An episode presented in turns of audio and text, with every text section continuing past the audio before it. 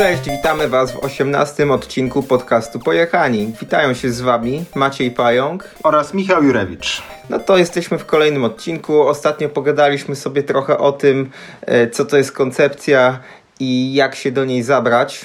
Mamy nadzieję, że Wam się podobał ten odcinek. Zanim przejdziemy do głównego tematu, to zaczniemy od newsa. No, bardziej rekomendacja niż, niż news. Mianowicie chcę trochę powiedzieć o zmienności rytmu zatokowego, czyli e, HRV ale nie, nie HRV, ale HRV, tak spolszczone będę mówił, będzie mi się łatwiej wymawiać.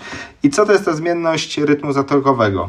Jest to parametr wyrażony w milisekundach, jakie są różnice między poszczególnymi biciami naszego serca. Jest to bardzo łatwo mierzalny parametr, który mówi, jaki mamy stan autonom autonomicznego układu nerwowego. E, brzmi poważnie, ale nie jest aż takie straszne. Jest to tyle fajny parametr, który bardzo dobrze pokazuje, w jakim jesteśmy stanie gotowości, czy jesteśmy dobrze zregenerowani pod względem intensywnej jazdy na rowerze.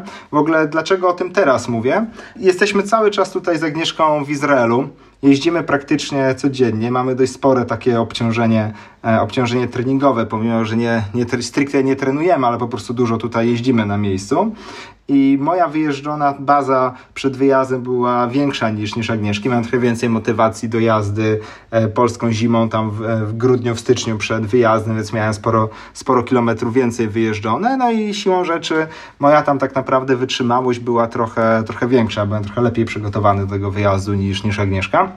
I teraz, jak tutaj dość intensywnie jeździmy w Ejlacie, pojawił się tak naprawdę trochę problem kiedy pojechać na długą trasę razem, kiedy może ktoś potrzebuje tego restu, e, czy może to jest ten dobry moment na rest. No tak, żeby po prostu możliwie jak najwięcej pojeździć, jak najwięcej zobaczyć, ale jednocześnie, żeby się nikt, ani ja, ani Agnieszka nie, nie, nie zajechać. Obserwacja go HRV pozwala uniknąć tego zajechania się, uniknąć też i kontuzji, więc warto sobie ten parametr mierzyć. Ja do pomiaru tego parametru używam Apple Watcha, który po prostu mierząc tętno też ma ten tryb niefiltrowanego pomiaru tętna i wtedy może właśnie bardzo dokładnie zmierzyć TRV, ale co ciekawe można to zmierzyć każdym telefonem z aparatem fotograficznym i lampą błyskową, czyli tak naprawdę chyba każdym telefonem. Są do tego bardzo dobre, bardzo dokładne, bo potwierdzone badaniami aplikacje, które potrafią to zmierzyć. I prowadząc tego typu dziennik pomiarów, można sobie właśnie dokładnie wiedzieć, kiedy rzeczywiście powinniśmy sobie odpuścić, zrobić lżejszy dzień, może w ogóle nie, może w ogóle nie wychodzić na rower, a kiedy możemy sobie coś pocisnąć na jakąś fajniejszą, dłuższą, dłuższą trasę, albo może trochę bardziej intensywnie. Mm, jedynym minusem tego HRV jest to, że trzeba mierzyć regularnie i trzeba mieć tych pomiarów tu możliwie dużo wcześniej, czy najlepiej co najmniej miesiąc, żeby mieć, wiedzieć co to znaczy wiedzieć, jaki jest normalna wartość tego naszego parametru, tego naszego HRV, bo po prostu jeśli jest w normie, no to ok, no to jesteśmy zregenerowani, gotowi do, e, do działania. Jeśli rzeczywiście spada poniżej naszej normy, no to wtedy rzeczywiście warto sobie, warto sobie zrestować. Jeszcze, a, jeszcze jest jedna rzecz, która może być zarówno plusem i minusem, to to HRV odzwierciedla nie tylko stresor, jakim jest nasz trening, czy po prostu jazda na rowerze, ale też takie stresy no, dnia codziennego, czyli nie wiem, podróże, praca, e, czy co tam nas jeszcze może stresować, więc jest to też dobre do monitorowania nie tylko takich kwestii sportowych, tylko tak ogólnie nazwijmy to jakości życia i to, jaki mamy po prostu spokój, spokój w głowie. Więc to jest dość ciekawy parametr, który, o którym warto wiedzieć, szczególnie, że bardzo łatwo go mierzyć, mierzyć i być trochę bardziej świadomym tego, co się dzieje z naszym, z naszym organizmem. Ja tutaj podlinkuję mm, do notatek stronę, właściwie artykuł, e, który jest publikowany przez autora aplikacji HRV for Training. Jest to aplikacja na telefony z iOS z Androidem, która bardzo fajnie mierzy to HRV oraz zapewnia do, dobrą analizę tych, tych danych, a przy okazji jest seria artykułów, które bardzo dobrze tłumaczą na różnych przykładach, jak używać tych danych, jak je analizować, więc Zdecydowanie polecam. Aplikacja jest tak naprawdę dość tania, bo tam 50 zł jednorazowy, jednorazowy zakup, więc myślę, że warto. Paradoksalnie z innych korzystam, które już po prostu miałem do e, właśnie mierzenia parametrów takich życiowych e, na iOS-a, na zegarek Apple Watch, jak AutoSleep i HeartWatch. I te dwie aplikacje też mają właśnie bardzo fajne, bardzo fajnie zorganizowaną i zbieranie tych danych i przegląd tych danych. A wszystkie podlinkujemy do, e, do notatek. E, ja tak naprawdę już tam kiedyś, kiedyś wiedziałem, że, że ten parametr istnieje, że on jest zbierany za pomocą Apple Watcha i tak dalej, ale jakoś się nigdy nad tym nie pochyliłem, a właśnie tutaj mając trochę więcej wolnego czasu na wyjeździe, a przy okazji problem do rozwiązania, zgłębiłem się w temat i się okazało, że wcale nie jest to takie trudne, a bardzo przydatne i można sobie właśnie bardzo łatwo tutaj monitorować stan swojego zdrowia, więc tutaj jak najbardziej, jak najbardziej polecam to regularnie monitorować. Okej, okay, to jeżeli oboje z Agnieszką używacie Apple Watcha, to jak to wygląda w kontekście regeneracji? Agnieszka obecnie właśnie jest regenerowana, czy właśnie potrzebuje tej regeneracji? Jak to wygląda? I jak, jak to później się udawało Wam, czy na podstawie tego udawało Wam się planować? Mm, tak, to, to było tak, że rzeczywiście moje wartości poza, jak już tu jesteśmy w Ejlacie, no bo tam wcześniej na wyjeździe oczywiście bywało, bywało z tym różnie, ale tutaj się ograniczmy tam do ostatniego miesiąca, kiedy jesteśmy tutaj w Ejlacie. No tam ma rzeczywiście wartości cały czas mniej więcej no, w granicach tej średniej normy, więc tak naprawdę bardzo dobrze się tu mój organizm do zarzuconego obciążenia bardzo dobrze reaguje, więc nie, nie, nie przetrenowuje się ani też nie, nie obijam.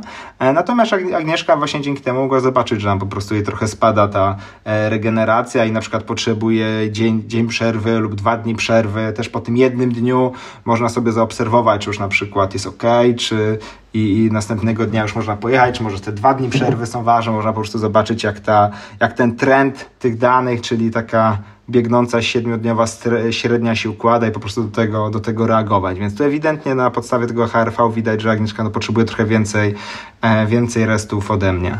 To myślę, że rekomendacje zakończyliśmy, ale wiem, że też masz kontynuację niedawno rozpoczętych tematów i w sumie odkąd jesteś w Ejlacie, to cały czas przewija się jeden temat rowerów elektrycznych. Cały czas kontynuuję ten temat rowerów elektrycznych, głównie dlatego, że mam tutaj świetne warunki do przyjrzenia się tak naprawdę jak to wygląda, kiedy te rowery elektryczne stanowią większość rowerzystów w danym miejscu. W poprzednim odcinku opowiadałem o dwóch takich wycieczkach, gdzie byliśmy e, jedyni na, na rowerach zwykłych wśród elektryków. Ostatnio była kolejna wspólna wycieczka e, i to było tak, że ekipa się umawiała na, na Raham. Ty dobrze wiesz, co to jest.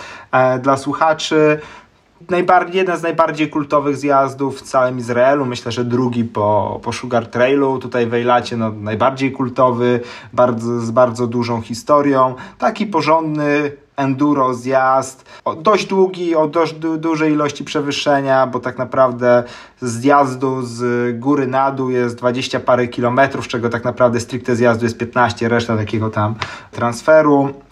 Mm, zaczyna się na wysokości 800, 850 metrów, o ile dobrze, dobrze pamiętam. No zjeżdża mniej więcej na, na 100 i potem transferuje do zera e, do latu, więc i, i, przewyższenia i długości trochę, trochę jest. Takie po prostu dobre, konkretne enduro. Ekipa się tam umawiała, głównie na właśnie większość na rowerach elektrycznych i co było ciekawe, umawiali się na wyjazd samochodami tam, czyli po prostu plan był taki, żeby pojechać samochodami na, na górę, zjechać sobie, a potem ktoś tam zabierze kierowców i, i wrócą po, po fury, które były zostawione na górze. My pomyśleliśmy, że e, tam nie lubimy się szatlować. Pojedziemy sobie rowerem, tam y, pewnie się spóźnimy na start godzinkę, ale bez problemu ich tam złapiemy na, na trasie. Jak będą sobie tam jakąś sekcję powtarzać, czy jakąś przerwę kawową robić. No i tak zrobiliśmy.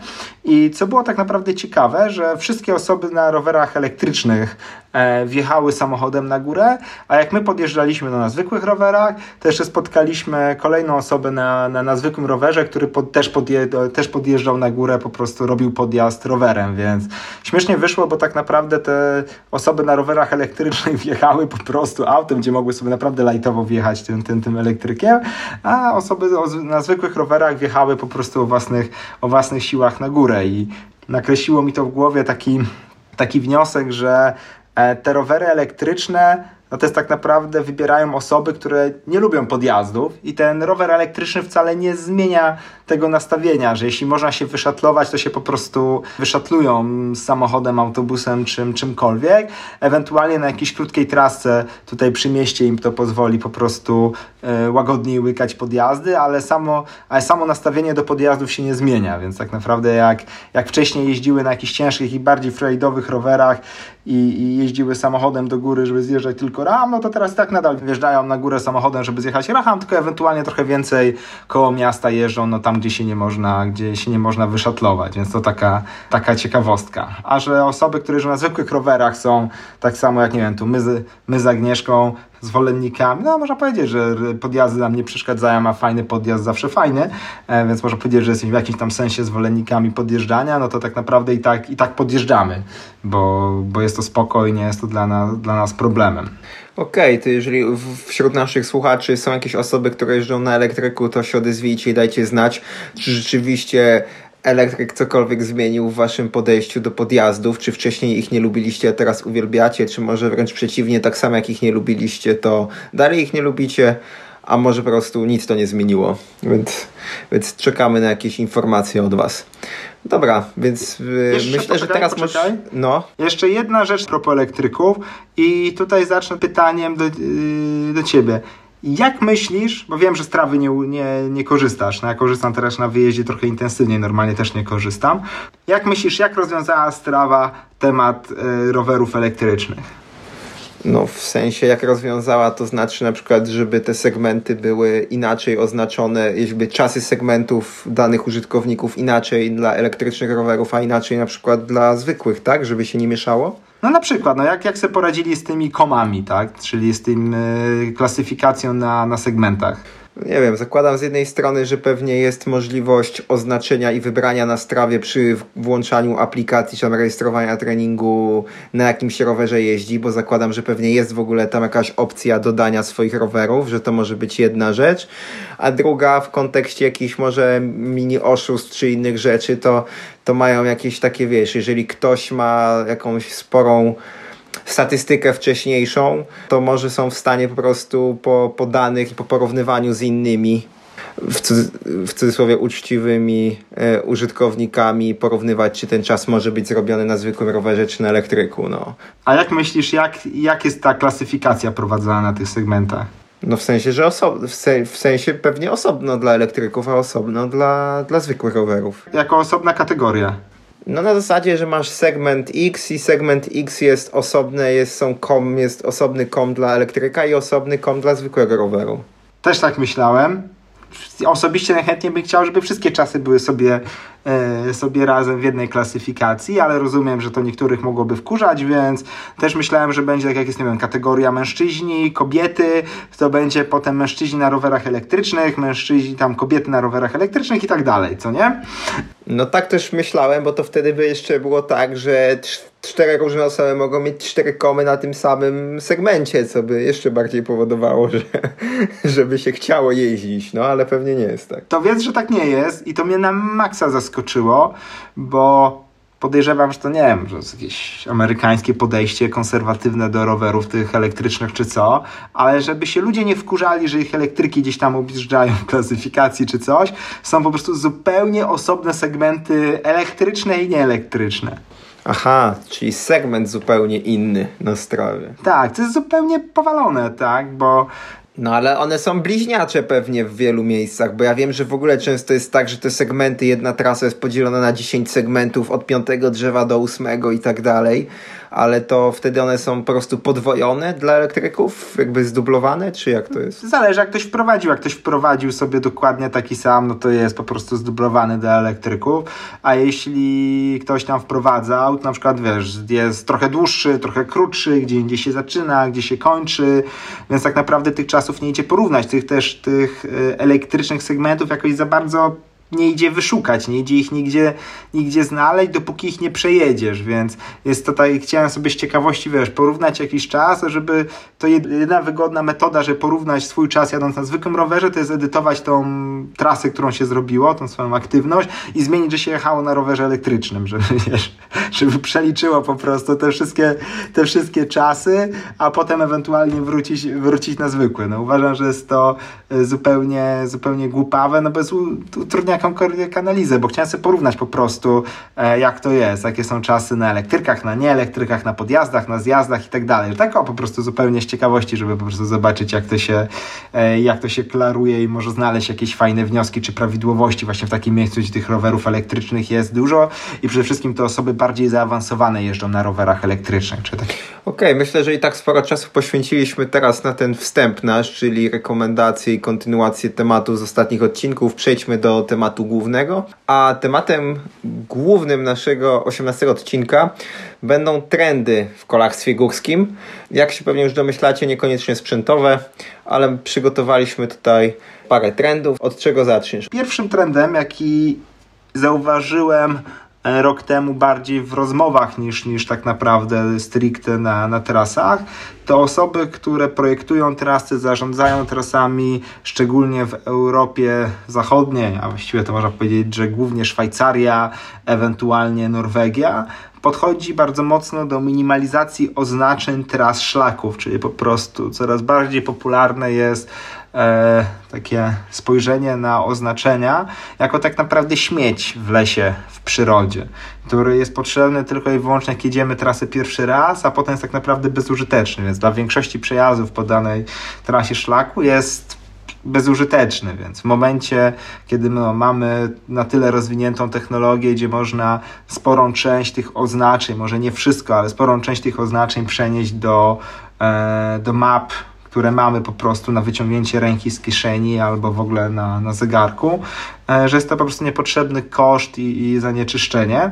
I jest to coś, co mam nadzieję, co oceniam jak najbardziej pozytywnie, bo, bo zdecydowanie się, się zgadzam z tym, że, że minimalizacja tych, tych oznaczeń jest, jest jak najbardziej fajną rzeczą, bo to przede wszystkim ułatwia e, zarządzanie tras i mniej niszczy krajobraz, mniej go zaśmieca i, i i, i wymusza też trochę na użytkownikach więcej przygotowania się, a nie tylko jechanie mm, za strzałkami.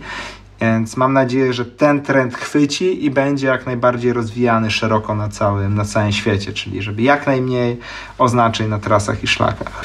No tutaj tak, z jednej strony się zgadzam, że jak najbardziej jest to śmieć w lesie, ale z drugiej strony patrząc chociażby na nasze doświadczenia takie wiesz, chociażby tutaj ścieżkowe e, w który, i projektów, w których braliśmy udział, no to GOBR tutaj w Karkonoski e, przy wszystkich trasach tak naprawdę, które są tutaj na Dolnym Śląsku raczej wiesz, zaleca słupek co 100 metrów niemalże jak na drodze krajowej czy wojewódzkiej, asfaltowej.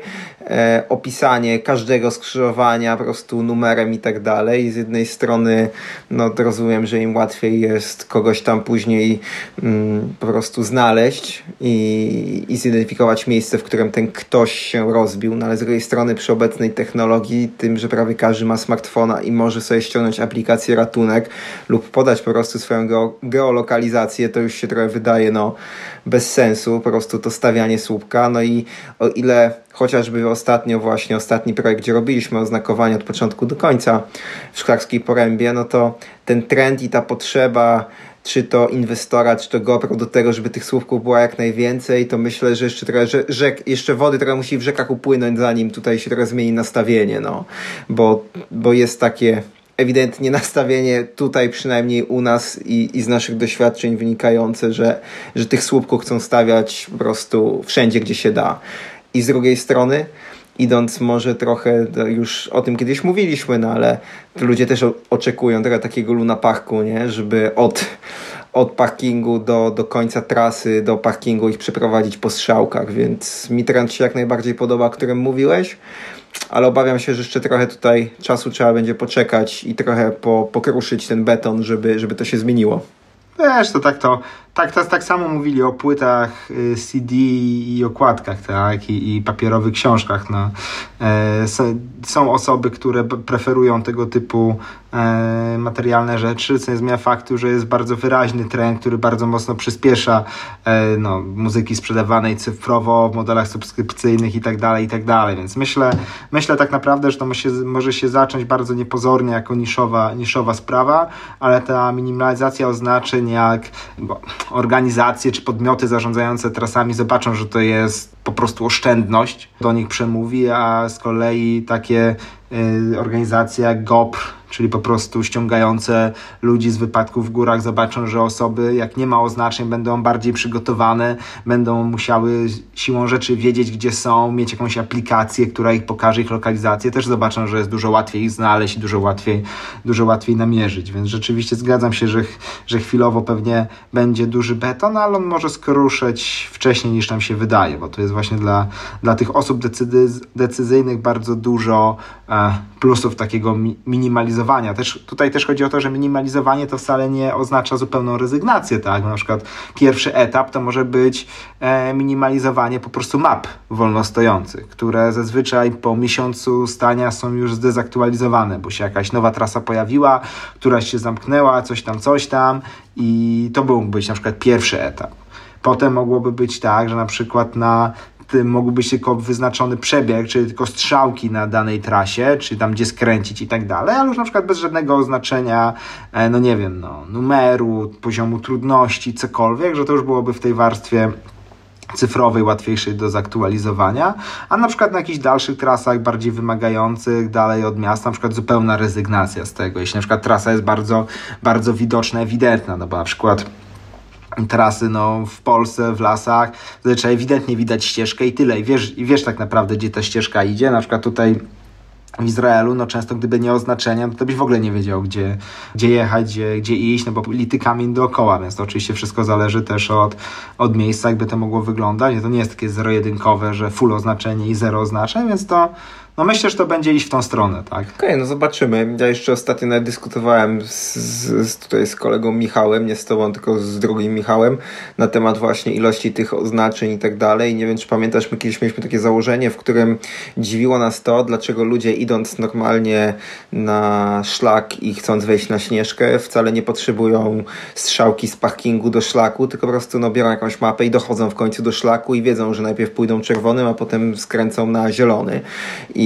On, on miał zupełnie inne zdanie niż my, bo on twierdził, że po prostu ci ludzie, którzy chodzą w góry i biorą tą mapę, to oni już myślą po prostu, że są takimi, wiesz, niemalże alpinistami, oni są mega przygotowani i tak dalej, a ci na rowerze się zupełnie nie czują ani takimi mega hardkorowymi rowerzystami, tylko oni po prostu chcą wyjść na rower i mieć ten Luna Park. No i że tutaj, tutaj to założenie niby nasze, w którym, w którym ci sami ludzie normalnie idą w górę i biorą mapę, a na rower nie, że niby tu jest błędne jakby nie mówię to po to, żeby jakkolwiek to teraz, e, no nie wiem, e, przedyskutowywać mocno, ale, ale taki głos się w dyskusji pojawił, o, tak powiem.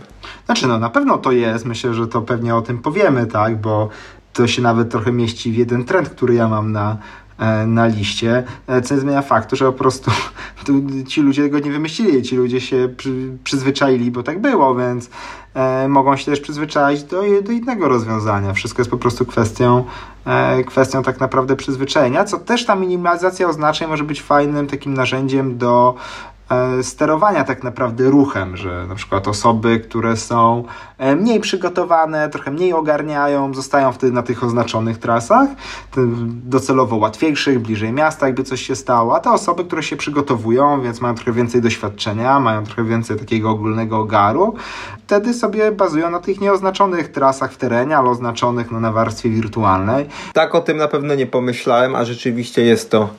Yy jest to dobre narzędzie, albo przynajmniej się wydaje. No dobra, czy coś jeszcze w tym trendzie, o którym powiedziałeś, o tych oznaczeniach, chciałbyś coś dodać, czy możemy przejść do kolejnego? Przechodźmy dalej. No dobra, to teraz ja powiem o kolejnym trendzie, który ja zauważyłem. Przede wszystkim jakby już znowu to na bazie naszych dyskusji osób tutaj ze szkoleń, które, które do nas przyjeżdżają, bo sporo ich jest takich, które po prostu zaczynają swoją przygodę z kolarstwem górskim od naszych szkoleń. Ileś lat z nimi się widujemy, czy to po prostu kontynuują szkolenia, czy, czy czasem z, na, z nami na jakieś wycieczki jadą. No i zauważalne jest na pewno to, że rośnie takie pokolenie rowerzystów, które po prostu no, nie ma zielonego pojęcia o tym, że da się jeździć na rowerze nie tylko po tych stricte przygotowanych trasach rowerowych, czyli po single trackach, czy po innych jakby no, trasach typu Srebrna Góra, Enduro i tak dalej, czyli gdzieś, gdzie w nazwie jest coś, że jest rower i że to jest stricte dla rowerów. Więc um, mam takie przeświadczenie, że, że jest sporo takich osób, gdzie tylko jeżdżą po takich trasach, nie dlatego, że, że myślą, że jest jakiś zakaz jazdy gdzie indziej, ale po prostu mają pewnego rodzaju zaufanie do tego, że jak jest trasa rowerowa, to znaczy, że jest przejezdna. Się znowu pewnie to wiąże z tym, że e, nie muszą się zastanawiać, którędy pojechać, jak pojechać i tak dalej, bo są chociażby właśnie te oznaczenia i na to liczą. Więc to jest jakby te, taka pierwsza rzecz związana z tym, z tą, z tą grupą rowerzystów. No i w jakiś sposób jest to połączone, ale już bym tutaj tego tak nie wkładał idealnie do jednego wora, że przy budowanych trasach często rowerzyści, jak są jakkolwiek powiedziane, że to są trasy rowerowe, no to też mają takie przeświadczenie w głowie i taką ideę, że to musi być trasa typu flow. I w zasadzie jak nie ma na niej dużych, wyprofilowanych zakrętów typu bandy i nie ma gładkich rollerów, tylko po prostu trasa jest na przykład bardziej surowa, no to oni są zawiedzeni, że jak to trasa rowerowa, a tu są jakieś kamienie i korzenie, jak to? No więc tego typu trend zauważam. Ciężko mi teraz ocenić, czy on jest pozytywny, czy negatywny, bo z jednej strony tutaj tych rowerzystów, którzy nigdy nie jeździli poza trasami rowerowymi, bardzo łatwo jest przekonać na wycieczce i pokazać im, że, że, że, że można zjechać gdzie indziej, da się przejechać i jest fajnie. Hmm, to owszem jest to zjawisko, ale dla mnie jest stricte negatywne. To dla mnie jest jak najbardziej negatywne, no bo powoduje e, szufladkowanie i dopóki to zjawisko jest tam w miarę niszowe, co wiemy, że już nie jest, że już po prostu idzie, idzie dalej, jeśli po prostu tego typu myślenie stanie się powsz powszechne, to jest niestety ryzyko, że się cofniemy tak naprawdę w rozwoju do poziomu jakiejś żenującej Austrii, gdzie będą trasy rowerowe tylko dla rowerzystów, trasy piesze tylko dla pieszych, trasy Nordic Walking tylko z kijkami i tak dalej, i tak dalej. I to powoduje, że tak naprawdę mamy e, mniej gdzie jeździć, tak? Więc e, uważam, że jest to zjawisko, które niesie ze sobą spore ryzyko, jeśli po prostu trafi się do takiej powszechnej, powszechnej świadomości, że domyślnie będzie rowerzysta tylko na e, trasie rowerowej, tak? To jest kuriozalne, bo to powiedzieć, że nie, nie, rowerzyści nie mogą jeździć po drogach publicznych, tylko i wyłącznie po ścieżkach rowerowych w mieście. No to przecież gdzie byś dojechał? Nigdzie byś nie dojechał. No tak, to się zgadzam, tylko pytanie po prostu o skalę tego zjawiska. No, póki będą cały czas ci rowerzyści, którzy jeszcze jeżdżą gdzie indziej, no to wydaje się to być mniejsze zagrożenie, no. Ale owszem, rowerzystów chyba przybywa, no bo, bo, bo, bo tak, to, tak to wygląda. Więc rzeczywiście, jeżeli tych będzie coraz więcej, no to, to może tak się stać. Chociaż ja bym się aż tak tego nie bał, bo wydaje mi się, że ci, którzy są w takim vorteksie, że tylko po trasach rowerowych, no to oni jakimś czasie w końcu no, przejadą wszystkie trasy w okolicy, przejadą e, wszystkie trasy weekendowe, na które dojeżdżają te kilkaset kilometrów i, i zaczną szukać. Jakoś koniec końców trafią po prostu także na, na, na, na inną część terenu, bo tak naprawdę wszyscy rowerzyści w jakiś tam sposób sobie ewoluują, tak? Tu nie wiem, jedni zaczynają od XC, przechodzą do jakiegoś no, enduro, drudzy z enduro czasem nawet na jakąś szosę się przerzucają, czyli w zasadzie nigdy nie jest tak, że jak ktoś wsiądzie raz na rower i po jednych trasach zacznie jeździć, to nie jest tak, że, moim zdaniem, że on do końca życia już na tych jednych trasach będzie jeździł na tym jednym rowerze, na pewno gdzieś tam się po prostu no, będzie zmieniało towarzystwo wokół niego i też mu po prostu pokażą co innego. Tak, owszem, ale rzeczywiście no ja obserwuję coraz więcej osób, które przez dość długi czas od rozpoczęcia przygody z rowerem nie wyjechały jeszcze z, z, tych, tras, z tych tras stricte rowerowych, co jest lekko niepokojące. Też bym nie, nie, nie chcę tu bić, wiesz, no, w, w dzwon na alarm, że o, tragedia, koszmar Armagedon, tylko że, jest, tylko, że bardziej bym oceniał to jako negatywne i, i tyle, tak? Nawet jeśli na razie nie jest to aż tak wpływowe czy coś, to mimo wszystko fajnie jest, fajnie by było zapobiegać temu, czyli po prostu trochę tam edukować, edukować ludzi, że trasy, po pierwsze trasy rowerowe to nie są same flow i bandy po dwa metry, tylko mogą być, mogą być przeróżne. Poza Luna Parkiem, jak się trochę przygotujemy, trochę poszukamy, trochę posprawdzamy, też jest fajnie. Ale tu trzeba jedną rzecz trzeba tylko tu przyznać, jeśli przerwę rzeczywiście jest tak, że jak pytasz jak tam było w Świeradowie, no w sumie spoko, tam tylko są łatwe i nudne trasy, więc to już pomijając ten aspekt nudny, czy, czy te łatwe są nudne, to jest zupełnie inna rzecz, ale to oznacza, że rzeczywiście nie wyszli z tych tras e, single tracków na jakąkolwiek terenowe przejazdy w Świeradowie, których jest dużo i są bardzo ciekawe. To, to tutaj tak, tu jest racja. No tak, czy, czy na rychlebach. E, no, spoko jest ten, spoko jest ten super flow, ale e, ileż można po nim jeździć? Po 10 razach już po prostu przestałem tam jeździć. A byłeś na wielorybie? Nie, jeździłem tylko super flow, więc wiesz. Przecież takie, takie historie też znamy. Znamy. No okej, okay. no to myślę, że ten trend możemy już tutaj zamknąć. Mhm. Jaki masz kolejny? Czy jakiś może związany z tym? Mm, miałem dokładnie ten sam mm, na swojej liście, więc on już tutaj odhaczony jako mówiony. Moim następnym trendem są zawody enduro, mm, tak ogólnie. I tutaj tak naprawdę są dwa trendy, jakie tak zauważam, że za granicą zawody enduro się cały czas rozwijają. Jest ich coraz więcej, coraz większa różno, różnorodność, coraz więcej osób w nich startuje i zarówno mówię tutaj o tym e, poziomie najwyższym, jakimś WS-ie i pochodnych, ale też i tym takim niższym, jak najbardziej amatorskim. Jest tego coraz więcej, coraz więcej osób sobie po prostu startuje w tych zawodach enduro e, i one są mniej więcej wszystkie w tej samej formule, różniące się jakimiś tam detalami, a mam wrażenie, że w Polsce e, tutaj trochę się zwinęły zawody enduro, że kiedyś jak jeszcze my je organizowaliśmy, to było ich tak naprawdę całkiem sporo, bardzo mocno się rozwijały, coraz większa frekwencja. Potem jak się z tego wycofaliśmy, może, może tylko po prostu straciłem kontakt, tak, to możemy zaraz z błędu e, wyprowadzisz, ale mam wrażenie, że sezon Góra 2 po tym jak przestaliśmy organizować zawody enduro, to pozostałe serie też się tak naprawdę skorczyły, e, mniej osób w nich startuje, każda jest w zupełnie innej formule i się tak to trochę po prostu lekko przykisiło. No to tak, ja ten trend też miałem, bo ja wyszedłem na początku z założenia, że w ogóle zawody enduro się zwijają, w sensie w Polsce, że ich jest coraz mniej, że w ogóle nic się już nie dzieje. No i posprawdzałem trochę danych dzięki tutaj One Enduro, który prowadzi zawsze jakieś tutaj, wiesz, podsumowania sezonów, ilości osób startujących, ilości edycji i tak dalej. Ciekawe jest to, że od 2015 roku do 2019 włącznie i plus do, dwu, do obecnego roku, jeśli chodzi o ilość planowanych edycji jeszcze przed wybuchem tutaj naszego e, COVID-kryzysu, e, w każdym tym roku było planowanych 9 edycji. Ile się odbyło, to szczerze mówiąc się nie wgłębiałem. Większość się odbywało, ale pewnie zawsze jakaś jedna tu była usunięta, przełożona, przerzucona, odwołana i tak dalej, ale ale, przez te no, 5 lat teraz był trend taki, znaczy trend, no konstans było, jeśli chodzi o ilość edycji. E, ale na przykład frekwencja się zmieniała, bo tak, jak my e, kończyliśmy naszą przygodę z zawodami, to pamiętam, że tak, szczytem frekwencji była Ślęża pierwsza chyba w 2014 roku i to tam mieliśmy zapisanych około 200 osób, wystartowało około 150, to był, to był nasz rekord.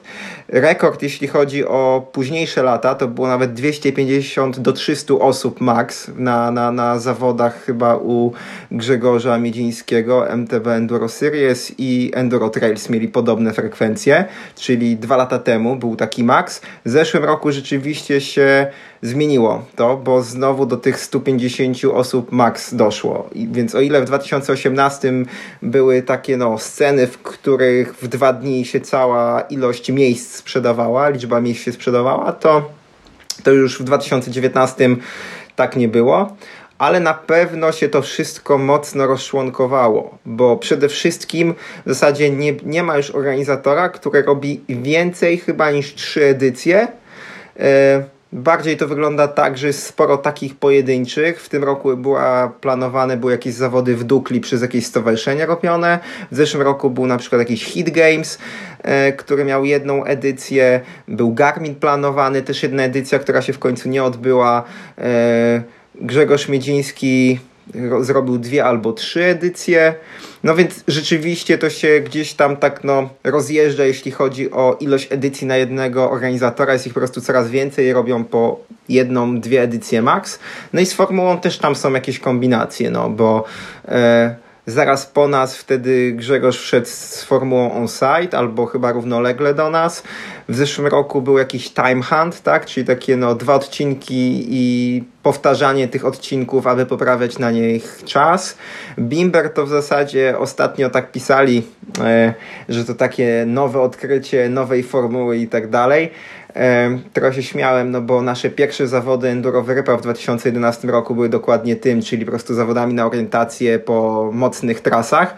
Trzeba przyznać, że ten Bimber, jeśli chodzi o marketing, bardzo ładnie to robi, bo jest to po prostu opakowane w bardzo fajny, no w bardzo fajny papierek, czy w bardzo fajny sreberko moim zdaniem, ale jeśli chodzi o formułę, to jest to no dokładnie to, co robiliśmy my, czyli po prostu zawody na orientację, punkty kontrolne w ciekawych miejscach, jak najwięcej punktów znajdź w jak najkrótszym czasie. Nie wiem szczerze mówiąc tylko, czy są jedno czy dwudniowe. Nasze pamiętam były dwudniowe te zawody z noclegiem gdzieś.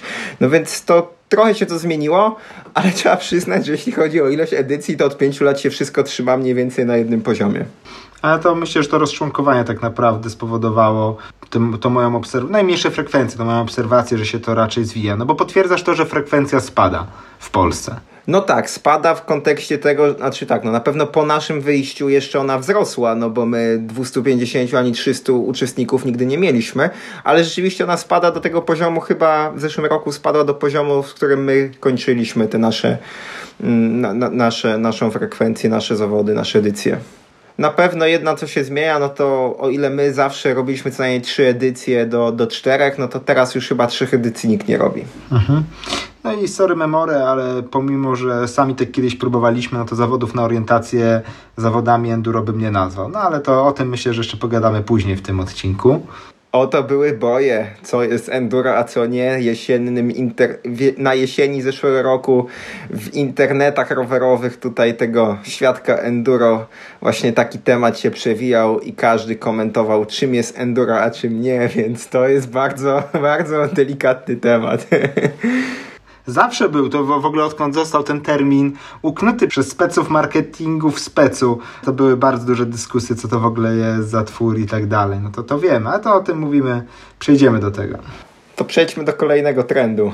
No tak, to był mój zawód enduro, więc twoja kolej. Aha, no dobra, ja w sumie więcej powiedziałem niż ty o tym trendzie, ale okej, okay, możemy przejść do mojego. Ja tu mam ewidentnie pozytywny trend.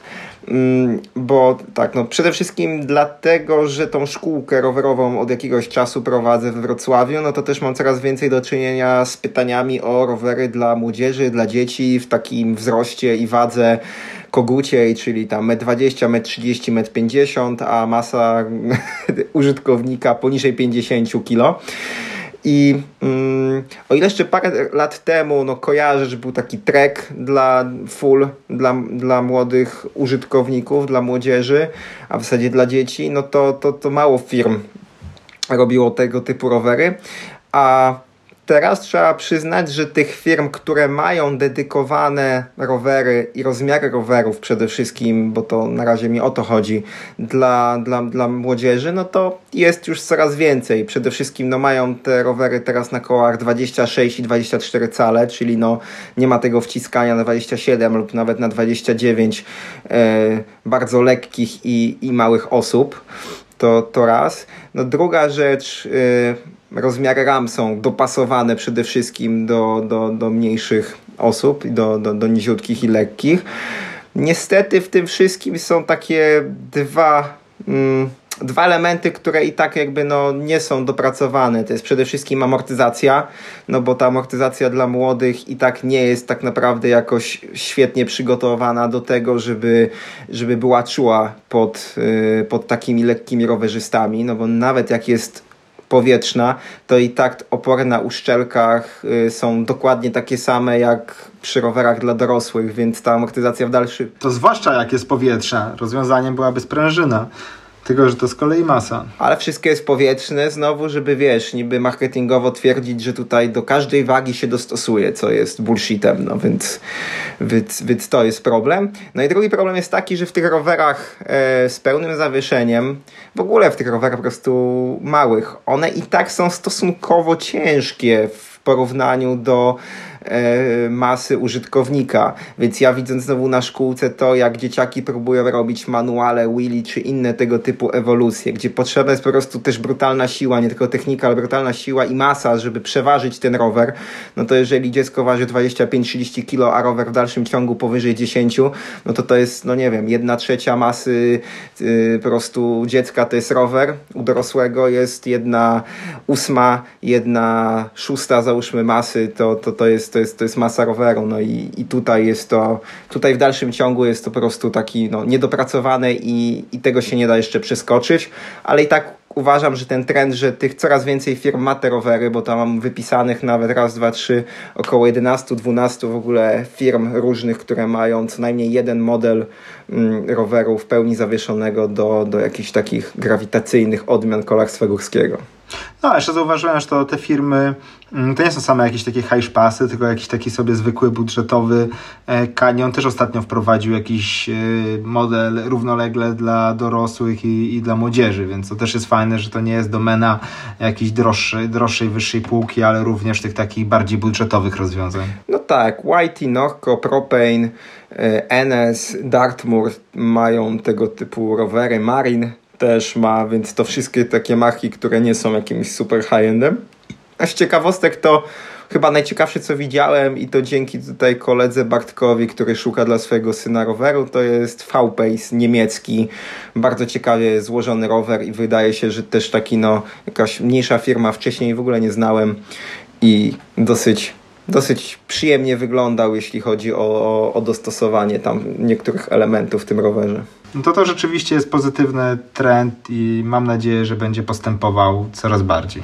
Już ze wszystkich swoich trendów, e, no już je wszystkie wypowiedziałem, więc pytanie, czy ty masz jeszcze jakiś? No ja mam jeszcze jeden, tak naprawdę zaznaczony, jako bym powiedział, taki najważniejszy ze, ze wszystkich omawianych. Z orientacją zostawiłem na, na koniec. E, mianowicie jest to trend, który bardzo powoli się rozpędza, ale się rozpędza, chociaż fajnie by było, jakby branża bardziej się nad tym pochyliła i trochę to popchnęła. Mianowicie zwiększona różnorodność riderów w MTB. Czyli i tutaj głównie chodzi o, o kobiety, że coraz więcej kobiet jeździ i już to przestaje MTB być takim stricte męskim, męskim sportem. Oczywiście to dużo zależy tak naprawdę od kraju. W Polsce tak naprawdę jesteśmy raczej w czołówce światowej pod tym, pod tym względem. Tyle, tyle dobrego. To, co Brytyjczycy nazywają, że MTB to jest takie white sausage party, e, no to to się powoli zmienia, ale na pewno chciałbym, żeby to się szybciej zmieniało, bo rzeczywiście jako tutaj środowisko potrzebujemy większej różnorodności, potrzebujemy żeby więcej kobiet jeździło na rowerze górskim. Dlaczego? No dlatego, że wtedy większa część społeczeństwa będzie się e, no, poczuwać do, do MTB, będzie uważać, że MTB to jest coś, coś ok, coś fajnego, więc jeśli to będzie całe społeczeństwo, a nie jego, jego połowa, to łatwiej będzie tak naprawdę o inwestycje w MTB, o łatwy dostęp do, do tras, otwarty dostęp i tak dalej. Więc to jest tak naprawdę kwestia rozwoju MTB jako, jako całości. No tak, tutaj możemy też odesłać do artykułu, który kiedyś Agnieszka napisała i na pewno jest jeszcze na naszej stronie na pomba.pl,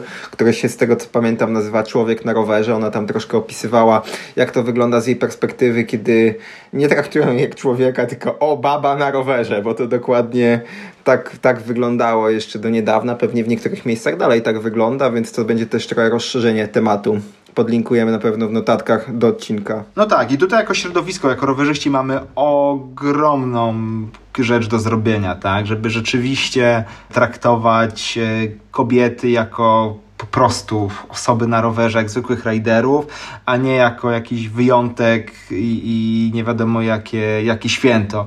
I naprawdę e, pytanie, czy, czy pomóc ci przeprowadzić rower e, przez strumyk czy przez kałużę, e, to nie, to nie są to te dobre maniery tylko, tylko denerwują w momencie, kiedy jest się tą osobą, którą ciągle ktoś pyta, czy nie, czy nie pomóc przeprowadzić roweru, więc, e, więc tutaj trzeba też uważać, żeby rzeczywiście traktować te osoby, które są w naszym środowisku kolarstwa górskiego w mniejszości jak, jak po prostu zwykłych riderów, a, a nie jak jako jakieś nie wiadomo jakie wyjątki, białe kruki, bo to tak naprawdę e, głupio się czuć zawsze tym białym krukiem i wyjątkiem. Nie, nie róbmy cyrku, o, i to chyba będzie najlepsze, co można powiedzieć. I nawet zachęcajmy, tak. Warto, warto rzeczywiście e, zachęcać do tego, żeby się zaprzyjaźnić z rowerem górskim i z trasami. Myślę, że teraz wpadłem na pomysł, że kiedyś można by było zrobić odcinek, jak zachęcić koleżankę czy kobietę do jazdy na rowerze, a w zasadzie inaczej czego nie robić, bo tutaj jest zawsze ty, tyle błędów można by e, wylistować, że, że myślę, że może to być też jakiś nawet niezły temat na odcinek. Jak najbardziej. Na pewno zanotuję, bo rzeczywiście warto się nad tym pochylić. E, myślę, że będzie to ciekawy temat do, do przegadania, chociaż idiotycznie, że będzie tu znowu dwóch białych facetów o tym opowiadać, więc to jest taki trochę... To może Agnieszka w końcu się tutaj dołączy do podcastu. Ja wiem, że ona chyba się średnio chce, ale, ale może tego może się jej uda. Moim zdaniem byłoby to konieczne, bo jak będzie dwóch facetów opowiadać o problemach kobiet, no to będzie jakaś żenująca sytuacja. Nie powinniśmy tego, nie powinniśmy tego robić w takim składzie, ale, ale, mamy, ale mamy szansę uzyskać odpowiedni, odpowiedni skład w podcaście, e, więc jest szansa, że, że chwycimy ten temat. Czyli co, trendy zakończyliśmy?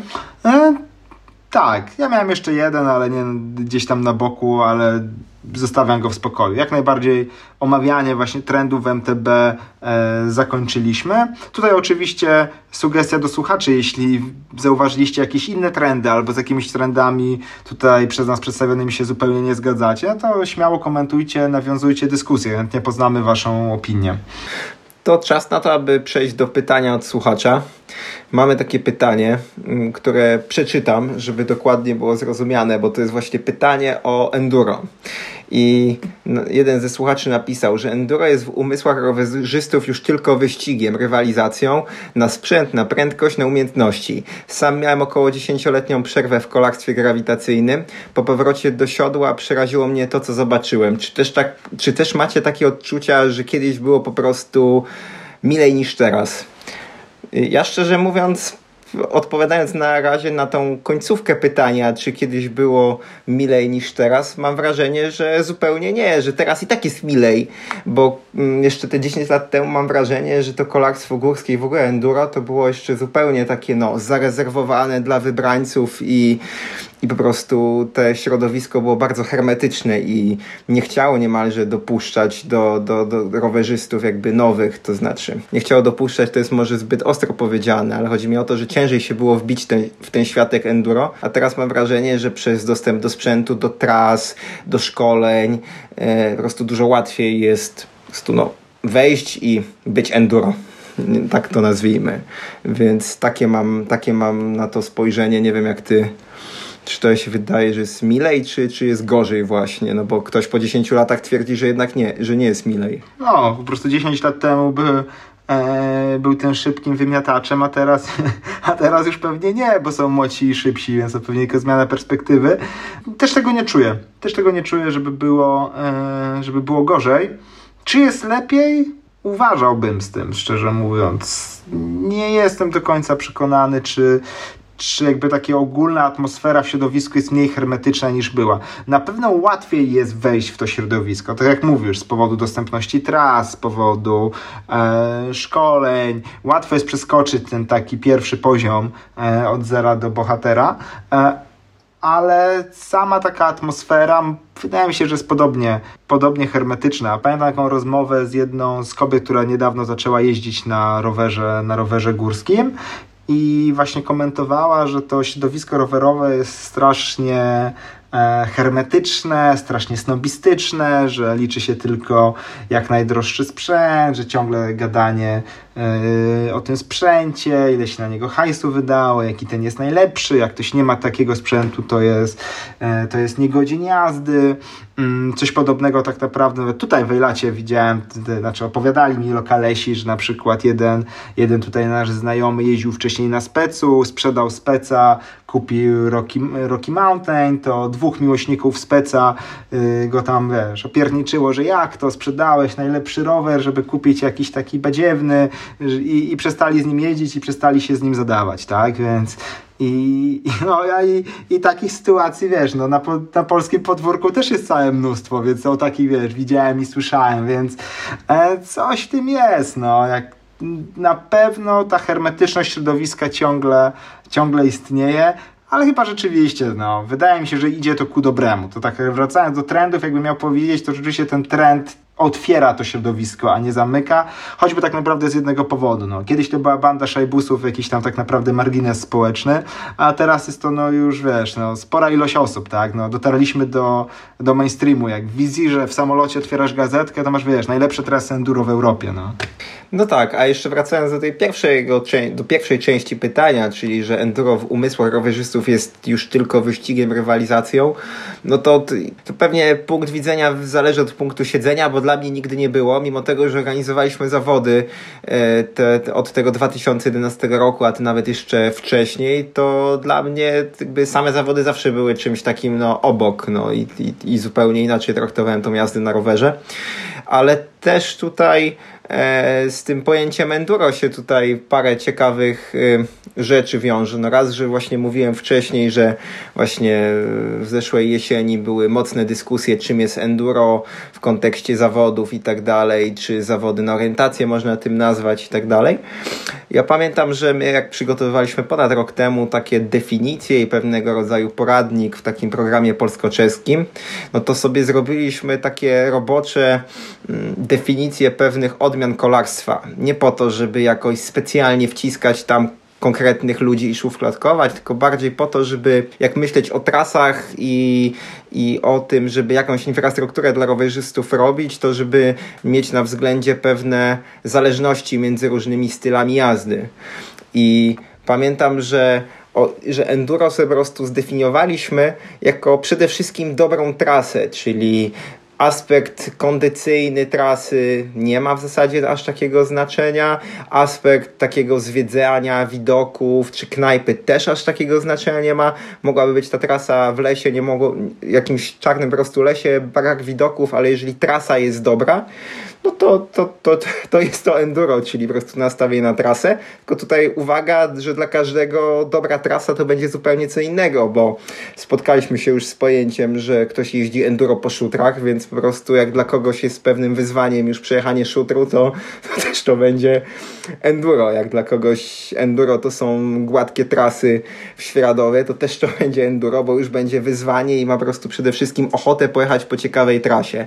A żeby tu trochę rozszerzyć te pojęcie, to chodzi o to, że później e, w All Mountain, czyli ten, nie wiem, ten etap troszkę niżej, to są przede wszystkim zwiedzanie widoki knajpa, a sama trasa, przejechanie po jakiejś trasie aż nie ma takiego znaczenia, a XC to jest tak naprawdę wysiłek fizyczny przede wszystkim, a trasa jako sama w sobie i walor krajoznawczy ma tutaj zupełnie już drugorzędne znaczenie, więc tak to sobie kiedyś tam określiliśmy.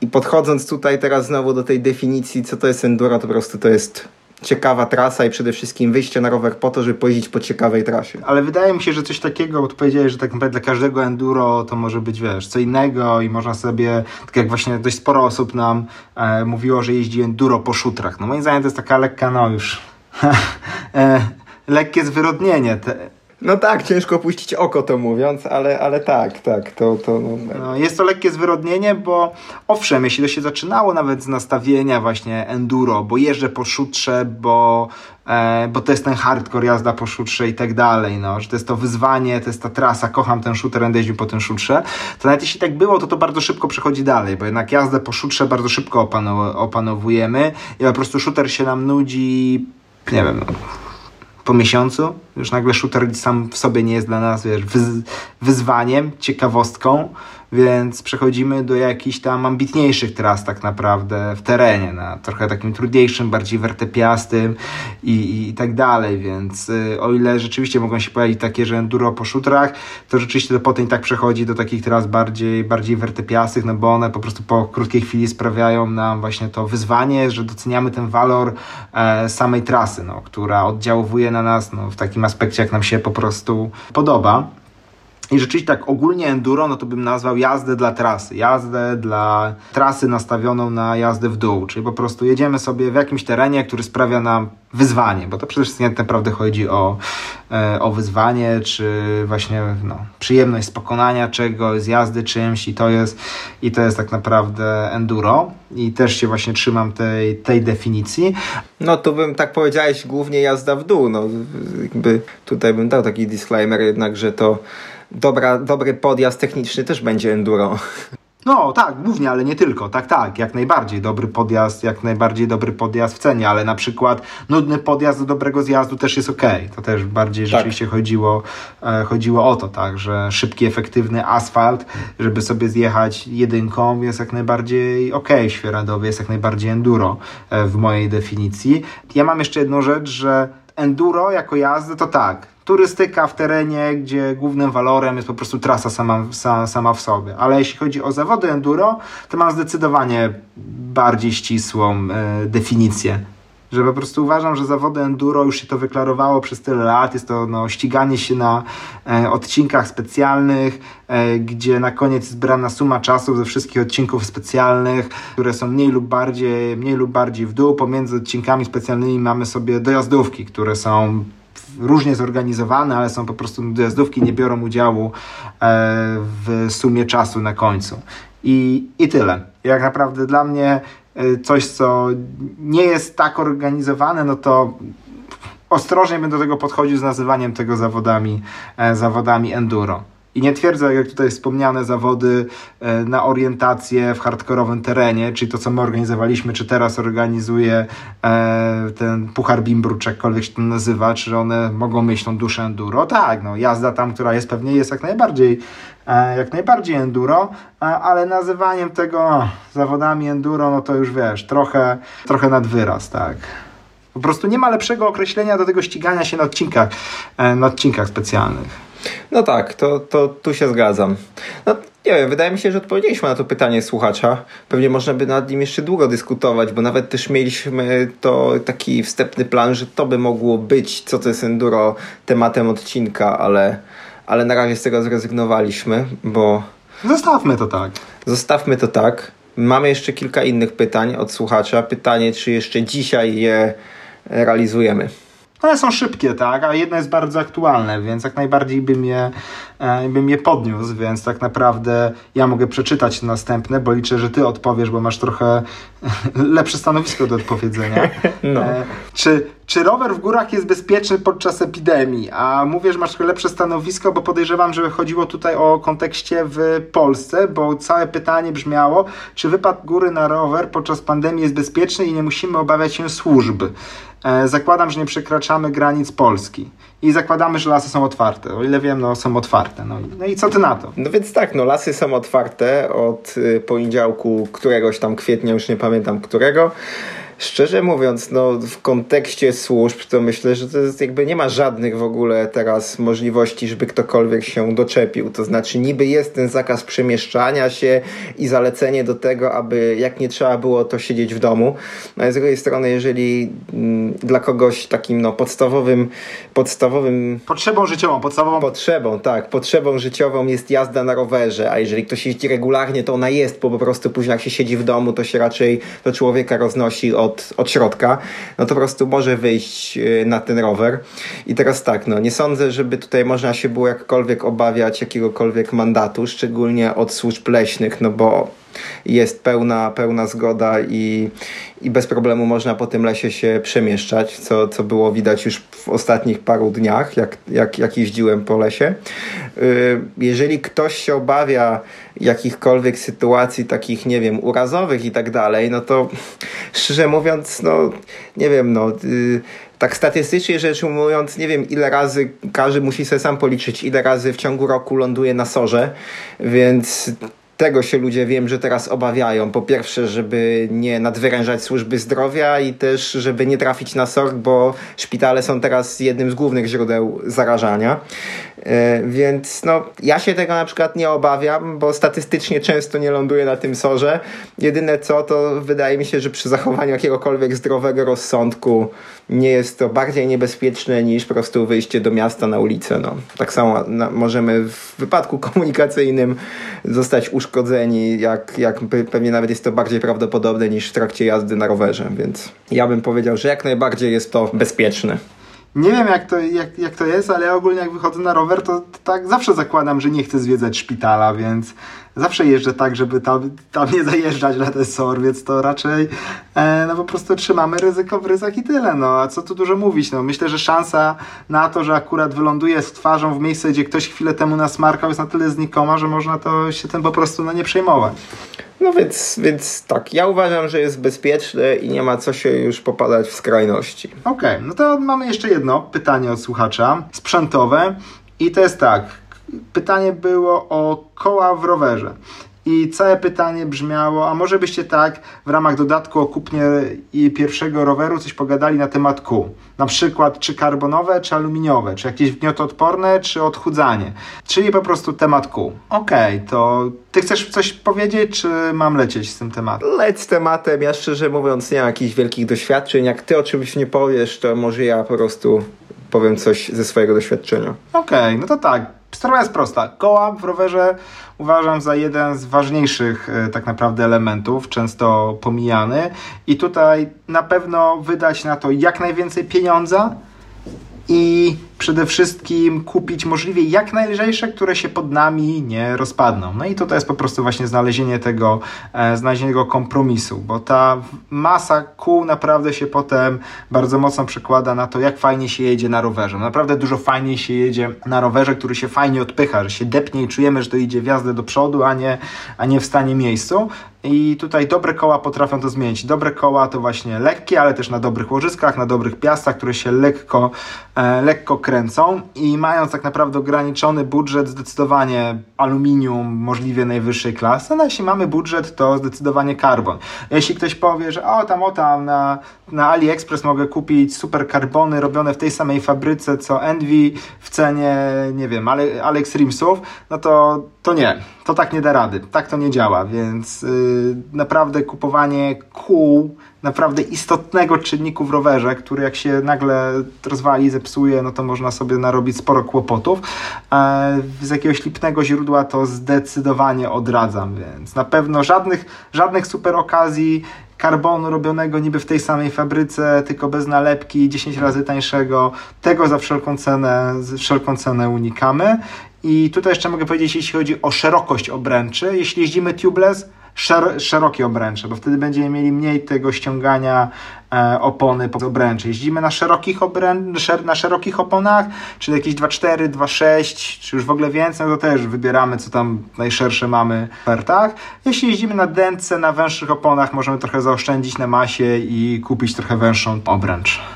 To właściwie tyle, jeśli chodzi o tip. A, ja mam jeszcze jeden tip. Z mojego doświadczenia warto zainwestować w aerodynamiczne szprychy i ta ich aerodynamika to myślę, że to jest jeden z mniejszych, y, nieistotnych powodów, ale po prostu z doświadczenia wiem, że są dużo trwalsze na kamień w szprychach, jakiś kołek w szprychach i tak dalej. Miałem zawsze dużo mniej problemów z wyłamanymi szprychami, jak e, brałem jakieś areolajty e, od DTK, niż jak na przykład miałem porów o porównywalnej masie, ale zwykle, zwykłe okrągłe cieniowane. Okej, okay, no w sumie to ja nie mam nic do dodania, oprócz tego, że ja znowu zauważam ogromną różnicę w kołach między jakby masą użytkownika.